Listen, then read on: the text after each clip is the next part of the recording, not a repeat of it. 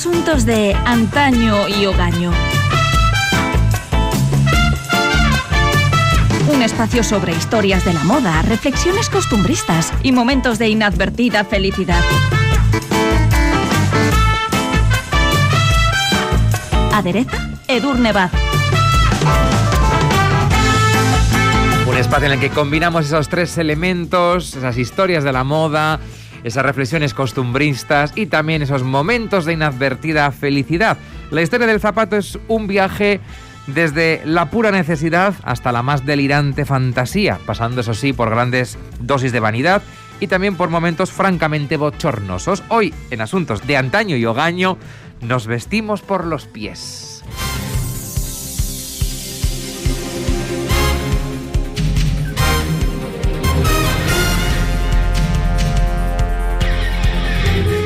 Eduardo Baz, ¿qué tal? Egunon. Buenos días, muy bien. Bueno, en este recorrido que vamos a trazar sobre la historia de los zapatos, vamos a empezar, como se suele decir, ¿no? Por el principio. Y el origen de los zapatos están las sandalias, uno de los más básicos, más sencillos y más elegantes a la vez. Exactamente. Bueno, se estima que las primeras imágenes de calzado conocidas son las botas que aparecen en las pinturas rupestres descubiertas en España, o sea, de unos 15.000 años de antigüedad. Decimos botas, pero en fin, son pues unas primitivas envolturas hechas a base de fibras vegetales, pieles de animales, en fin, lo que pillaran por allí, ¿no? Pero más allá de eso, en efecto, los primeros zapatos hechos de forma artesanal fueron, por razones evidentes de sencillez, las sandalias, con pequeñas variantes en el diseño o en los materiales utilizados, pero el concepto era muy similar fuera cual fuera la civilización que las luciera. Era una suela rígida que protegiera los pies de las irregularidades o, la temperatura, por ejemplo, del suelo, y luego unas tiras o unas correas que sujetaran todo aquello. ¿no? Claro, y esas sandalias eran iguales, por ejemplo, las que llevaba el pueblo llano a las que podía tener, por ejemplo, las clases más altas, la aristocracia, las élites. Bueno, ya buscaban la manera. Tú sabes que en esto de marcar diferencias el género humano es muy creativo y también incluso en estos sencillos orígenes se buscaba, por supuesto, la manera de marcar diferencias de clase. Por ejemplo, las suelas de las sandalias de las emperatrices romanas eran de oro porque ellas lo valían, ¿no? Y las tiras con las que las sujetaban pues tenían incrustaciones de piedras preciosas y demás. Y luego había otras formas curiosas de personalizar, digamos, el calzado. Los egipcios y los romanos, por ejemplo, dibujaban las caras de sus enemigos en las suelas para pisotearlas, ¿no? De forma simbólica y muy ¿eh? literal, claro. Pero es verdad que el pie desnudo, ¿no? Con la sandalia siempre ha estado rodeado de erotismo. Y, Un fetiche, ¿no? Para muchas personas. Sí, siempre lo ha sido y me imagino que siempre lo será. Y luego, pues depende del momento histórico, se ha jugado a enseñarlo o se ha prohibido, ¿no? Dependiendo de la rigidez moral de cada momento. Por ejemplo, en los años 30 y 40, los zapatos de día que dejaran ver los dedos se consideraban una indecencia. Y en los años 50, en cambio, se consideraban muy eróticos los talones. Por eso son tan frecuentes los zapatos destalonados en esa época, ¿no? Y otro elemento que siempre ha vertebrado la historia del zapato ha sido, por supuesto, el tacón.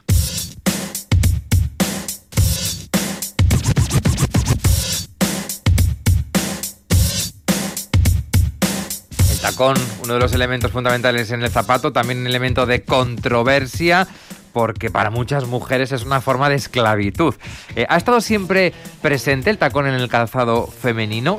¿Lo ha estado, por ejemplo, en el masculino? Lo ha estado, o sea, los tacones con todas esas implicaciones sociológicas no relevantes en cada caso, hombre, por supuesto, han estado presentes siempre en la historia del calzado en todas las formas, alturas, materiales y diseños que podamos imaginar. Las primeras ilustraciones en las que aparecen zapatos de tacón se remontan al antiguo Egipto y en ellas se ve tanto a hombres como a mujeres llevar unos zapatos elevados, ¿no? Históricamente, la aparición oficial del tacón con fines puramente estéticos se suele situar en 1533, en concreto en los pies de Catalina de Medici, que los llevó a Florencia, de Florencia a París con motivo de su inminente boda con el duque de Orleans y claro, a las damas de la corte pues les faltó tiempo para imitarla, ¿no? Pero durante el siglo siguiente, las mujeres europeas lucieron tacones de hasta 13 centímetros. Cuidado, para manejar esto necesitaban o un bastón o un par de sirvientes, que esto es muy duro, ¿no? Así era la cosa. Para el equilibrio sobre Sí, para apoyarse y, en fin, pues no perder la dignidad por el camino, ¿no? Pero, sin ir más lejos, en la Venecia del siglo XVI, unos zapatos que se llamaban chapines colocaban a las mujeres sobre plataformas hechas de madera o corcho y luego tapizadas con terciopelo, pero cuidado, que llegaban a alcanzar los 70 centímetros de altura. O sea, era una cosa francamente ridícula.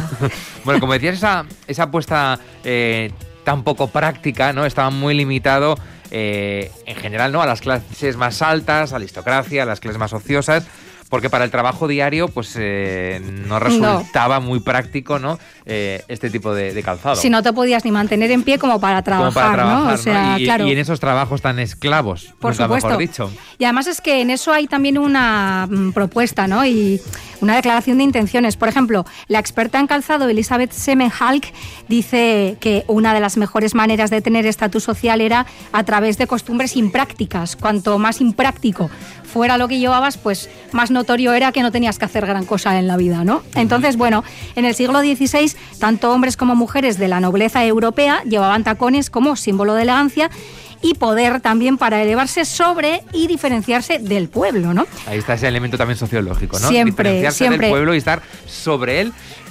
Físicamente, metafóricamente. Sí, la moda siempre se ha utilizado como lenguaje y a lo largo de esta temporada lo vamos a ir viendo. Aunque los hombres no tardaron mucho en dejar de usarlos y esto no me parece ninguna casualidad. ¿eh? Esto mm. hay que reflexionarlo un poco.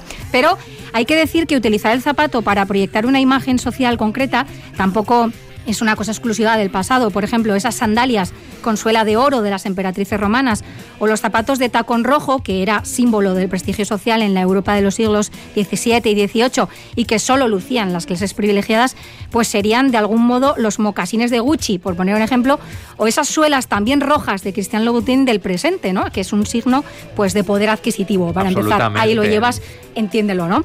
Entonces, tras varias idas y venidas, en función de las modas, los gustos, la realidad política o social del momento, el tacón volvió a estar de actualidad en los años 20 del siglo pasado, pero en aquel momento, eso sí, no muy alto y con una buena sujeción del pie, porque había que bailar el charleston y lo que surgiera. Bueno, en aquel momento eh, los eh, bajos de las faldas no comenzaban por fin, ¿no? A cortarse, eh, no a ser tan largos, y eso hizo que desviáramos la vista y nos empezásemos a fijar también en, los pies, en los zapatos. Eh, ¿Cómo influyó ese cambio, no? Porque, como digo, de repente descubrimos que había pies. Sí, entonces la atención, como dices, se centró en los pies y si cabe, pues fueron más allá, pero hay que decir que incluso cuando estuvieron ocultos por capas y capas de prendas, eran ya una pieza a la que se prestaba mucha atención, lo que demuestra que siempre, incluso cuando han estado en la sombra, los zapatos en general y los tacones en particular han tenido un poder extraño. ¿no? Los 60 fueron de nuevo la década de la sandalia plana, ese momento hippie, ese rollo sandalia de misionero, ¿no? y en los 70 el tacón ya volvió, pero a lo grande, con esas plataformas exageradas de la época que llevaban tanto hombres como mujeres.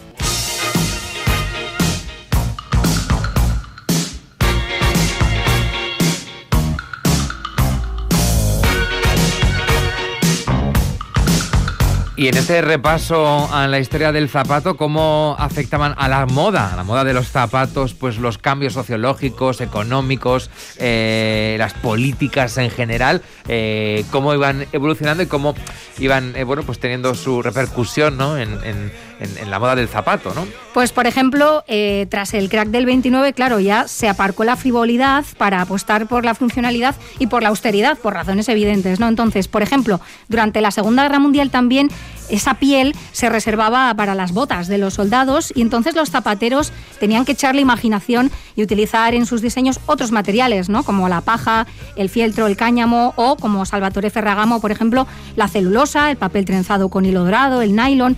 Y también a Ferragamo debemos, por cierto, esa versión un poco más practicable del tacón, que es la cuña, ¿no? que él presentó en los años 30.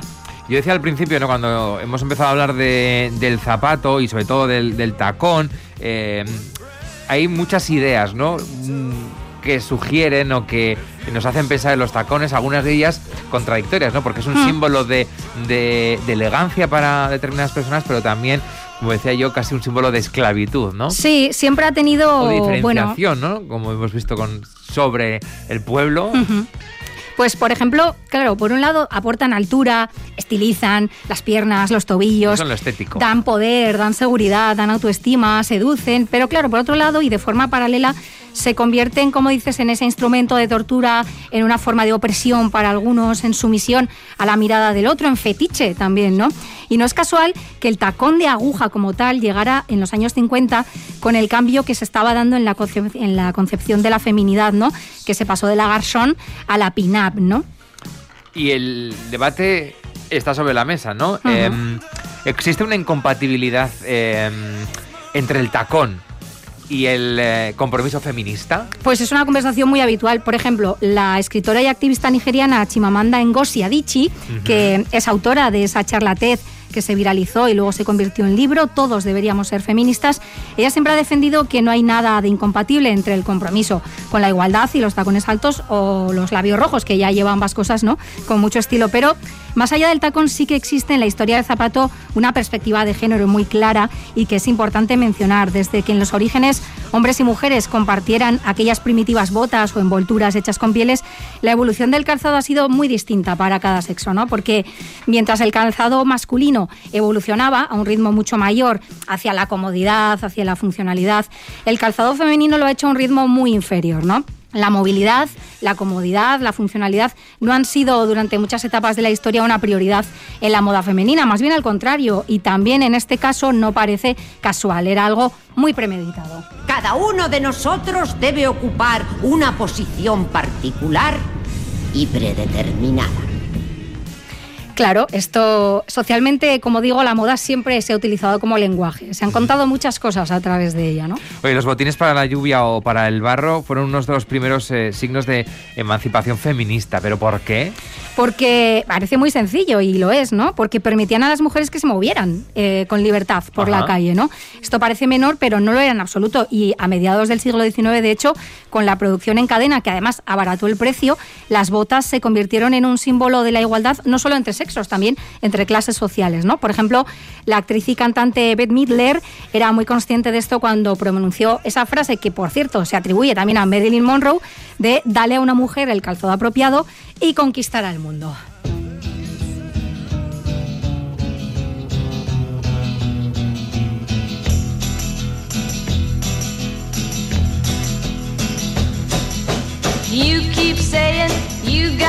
Hablaremos también de zapatos famosos, no nos podemos oh, olvidar de las botas de Nancy Sinatra, pero si pensamos en el calzado hoy en día, el más popular, ¿no? El más utilizado, el que ha roto moldes porque nos lo podemos poner de todas las formas y con cualquier tipo de ropa, ¿no? Desde las más informales hasta lo más serio, ¿no? Por ejemplo, mm. es la zapatilla. la zapatilla. Vamos, eh, el icono de la comodidad ahora mismo, pero curiosamente a principios del siglo XX no se llamaba zapatilla a un calzado que era muy fino y muy delicado, que solo podían tener una vez más las clases altas porque es que apenas se podía andar con ellos sin que se destrozaran, eran casi casi para estar en casa, ¿no? Eran muy frágiles, un mírame, pero no me toques de manual. Pero como curiosidad obscena sobre este asunto, os contaré que María Antonieta tenía una sirvienta que tenía por única tarea ocuparse de los 500 pares de zapatillas de la reina clasificadas por fecha, color y estilo. Igual tampoco hay que irse demasiado lejos, ¿eh? Bueno, para, comprar eh, otros ejemplos como el de la sirvienta de María Antonieta, ¿no? Sí, bueno, eh, pero eh, la gente sigue fascinada con esto porque hace poco, en noviembre, hubo una subasta de una de esas zapatillas ah. de María Antonieta y se pagaron 43.750 euros.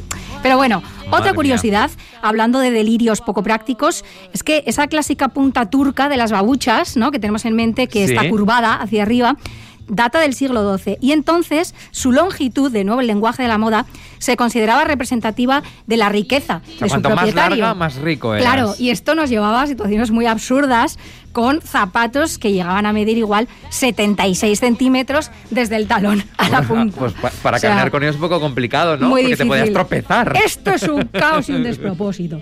Esto no es un zapato. Esto es desorden. Es Caos de la talla 43. Bueno, caos, desorden y que te puede dar un buen trompazo con 76 centímetros de, punta. Pero ¿por qué los zapatos han ejercido siempre esa fascinación entre nosotros y que prueba de ello es que estemos hablando hoy de, de, los zapatos? Pues mira, podemos recurrir, por ejemplo, a Holly Bruback, que es cronista de moda y afirmó que un par de zapatos nuevos pueden no curar un corazón roto ni aliviar un dolor de cabeza provocado por la tensión, pero sí calmar los síntomas y mitigar la tristeza, ¿no? Hay en ellos algo que yo creo que tiene más que ver con la posesión que con el uso, que va más allá de la comodidad o de la funcionalidad, que tiene que ver con el placer de estrenar, ¿no? Esa frase de un niño con zapatos nuevos, ¿no? Cuando estamos así como contentos con algo que estrenamos. Y además, bueno, pues algunos los admiran como objetos artísticos, otros tienen valor sentimental, igual fueron los zapatos de mi boda o los zapatos que llevé a mi primera cita, yo qué sé, para momentos vitales, ¿no? Y muchas veces nos entregamos también a esa fórmula antes muertos que sencillos y esto ya nos va a llevar a una ronda de apuntes, ¿por qué no?, sobre la comodidad en la historia del zapato. ¿Cómo es esa expresión? Si el zapato encaja, hay que llevarlo.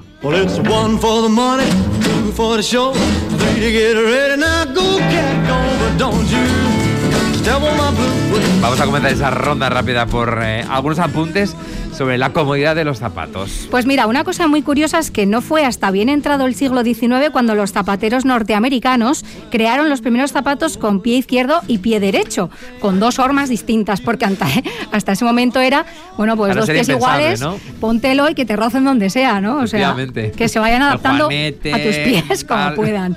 Pero bueno, esto llegó relativamente tarde. Y lo que ahora entendemos como el grado máximo de comodidad, esas zapatillas de lona con cordones de las que hablábamos, se pusieron a la venta para el público en general en 1917. Y luego esa mm, icónica, ¿no?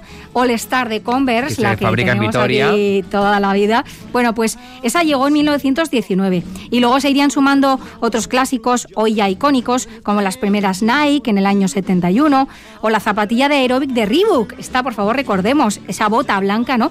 En el año 82.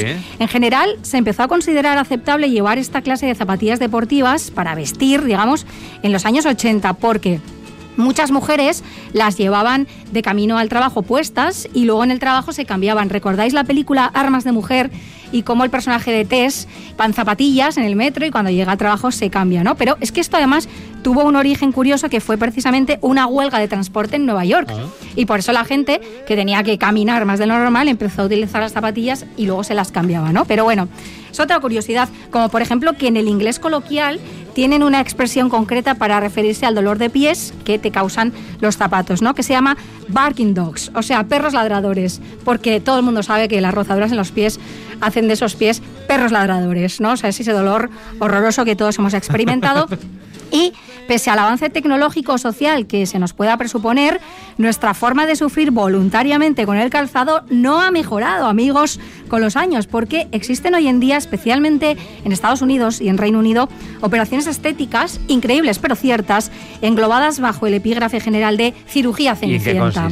Pues, eh, por ejemplo, en acortarse o alargarse los dedos de los pies, hacerse una liposucción de dedos, un lifting de pies inyectar rellenos en la planta del pie para poder aguantar mejor los tacones. O sea, dices, hemos evolucionado tanto desde la primitiva bota de piel o sandalia. yo creo que el ser humano no deja de Igual ¿eh? sorprendernos. Bueno, ha llegado ya el momento de recordar esos zapatos míticos que han dejado huella en la historia.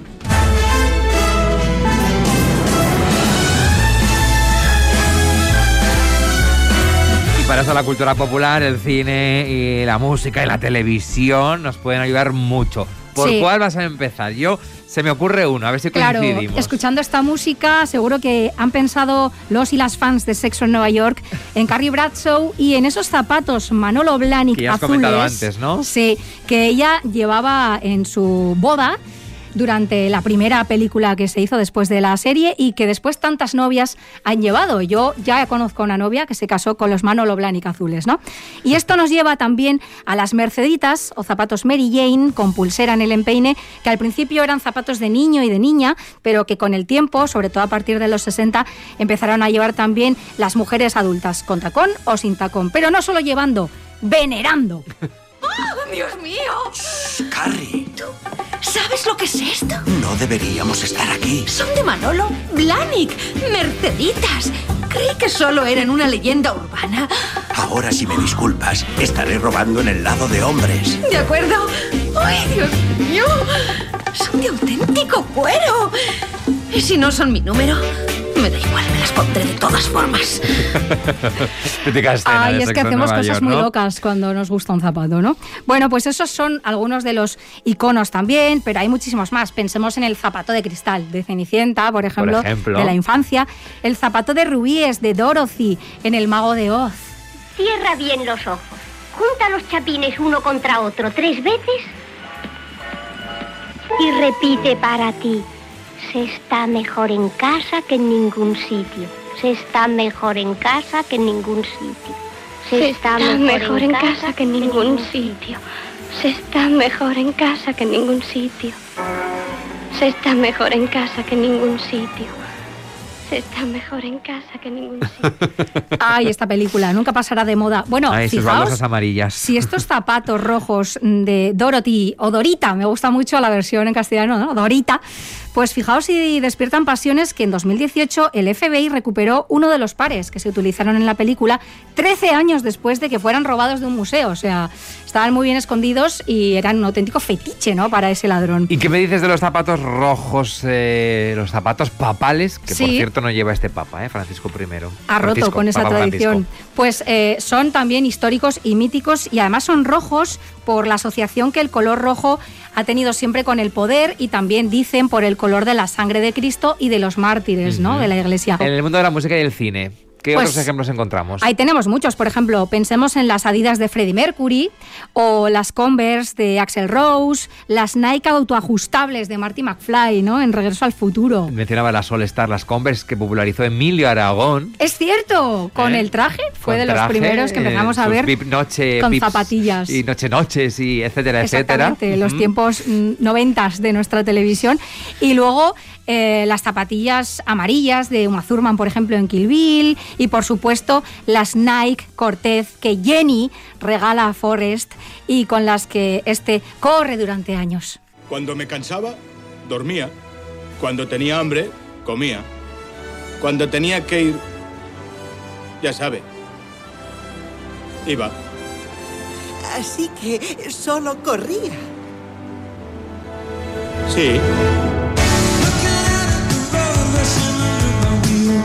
Míticas eh, zapatillas de Forrest Gump que, que acababan destrozadísimas y que en algunos restaurantes eh, una cadena de restaurantes norteamericana están ahí expuestos una reproducción y te puedes fotografiar sentado en el banco con esas Nike Cortez. Por supuesto son un auténtico icono. Y qué me decís de las botas altas y de charol negro de Julia Roberts en Pretty Woman nadie puede decir que no ha visto esta película porque se repone constantemente y siempre cosecha grandes índices de audiencia por cierto. Y y hablando de botas, también altas, por favor, necesario mencionar al gato con botas. ¡Escucha, ogro! Pedí piedad. ¡Gato! Con botas. Ay, el gato con botas, el gato con botas. Bueno, tenemos por ejemplo los mocasines con calcetines blancos de Audrey Hepburn en la memorable escena del baile de una cara con ángel, que además ella se negaba a ponerse eso. ¿Cómo me voy a poner esto con unos calcetines blancos, por el amor de Dios. Y el director le decía que sí, tú hazme caso. Y esa imagen es icónica, algo que luego Michael Jackson hizo suyo también, ¿no? Los mocasines con los calcetines, porque el baile y los pasos de baile se ven mucho mejor de esa manera, ¿no? Luego tenemos esos zapatos Pilgrim de Roger Vivier, de tacón bajo y esa hebilla característica cuadrada que hizo famosos Catherine Deneuve en la película Belle de Jour en el año 67. Los zapatos bicolor de Chanel con la puntera negra y el resto del zapato beige. Las Dr. Martins. Por ejemplo, ¿no? Son un clásico también mítico, ¿no? Creadas de los 90 y que se han vuelto a poner de moda. Sí, yo creo que no han pasado de moda sí, nunca. bueno, incluso ahora los tenemos en forma de zapato, de charol. En fin. Estampadas. Yo me casé con unas Dr. Martins, tengo que decir. No, las botas, sin un zapato ya más evolucionado, blanco, pero sí con unos zapatos, unas zapatillas Dr. Martins. Pues mira, empezaron pues los skinheads, ¿eh? que te decía. Los punks y los grunge y luego yo creo que se ha popularizado hasta llegar a las bodas propiamente, ¿no? y luego están los zapatos saddle, que son también bicolor, que inicialmente, bueno, se fabricaban para jugar al golf, pero que con el tiempo hicieron suyos con calcetines, por ejemplo, los adolescentes de los 50 o los bailarines de swing, ¿no? que los siguen llevando ahora mismo, esos zapatos bicolor, o los zapatos armadillo, ¿cómo olvidar esos zapatos armadillo de Alexander McQueen que llevó Lady Gaga en punta, con 30 centímetros de altura, que parecía que efectivamente llevaba dos armadillos en los pies y que esto pues para los tobillos y para los andares en general pues era bastante imposible, ¿no? Pero bueno, ella llevó unas botas de carne cruda, o sea que Lady Gaga siempre ha estado abierta a todo tipo de innovaciones estéticas, ¿no?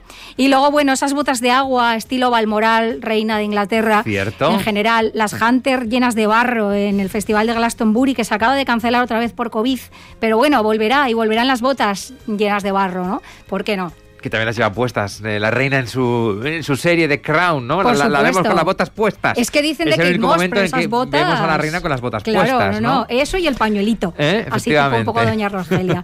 pues eso sigue siendo así. Y bueno, por terminar, por ejemplo, podemos hablar de esa categoría que se conoce como ugly shoes, que me parece muy honesto, porque ya es decir, llevo zapatos feos, y soy consciente, pero ¿no? Cómodos. Claro, entonces esas zapatillas chunky que llaman, que vemos ahora enormes con suelas locas, esas sandalias Birkenstock, las sandalias con pelo dentro, que es algo que no entiendo, las botas UGG, las Crocs. Las Crocs. Las Crocs. Y luego la cangrejera, porque no podemos acabar sin mencionar la cangrejera. de nuestra infancia, Por la supuesto, cuántos ríos y, que playas con piedra. bueno, pues hemos, pasado de esas pinturas rupestres de hace 15.000 años, donde aparecían por primera vez las botas, o algo parecido a unas botas, hasta incluso hay gente que se opera. Hasta para, el zapato de ¿eh? armadillo. Y hasta el zapato de armadillo. En fin, un repaso por la historia del zapato. Es que recasco, Durne. Soy Agur.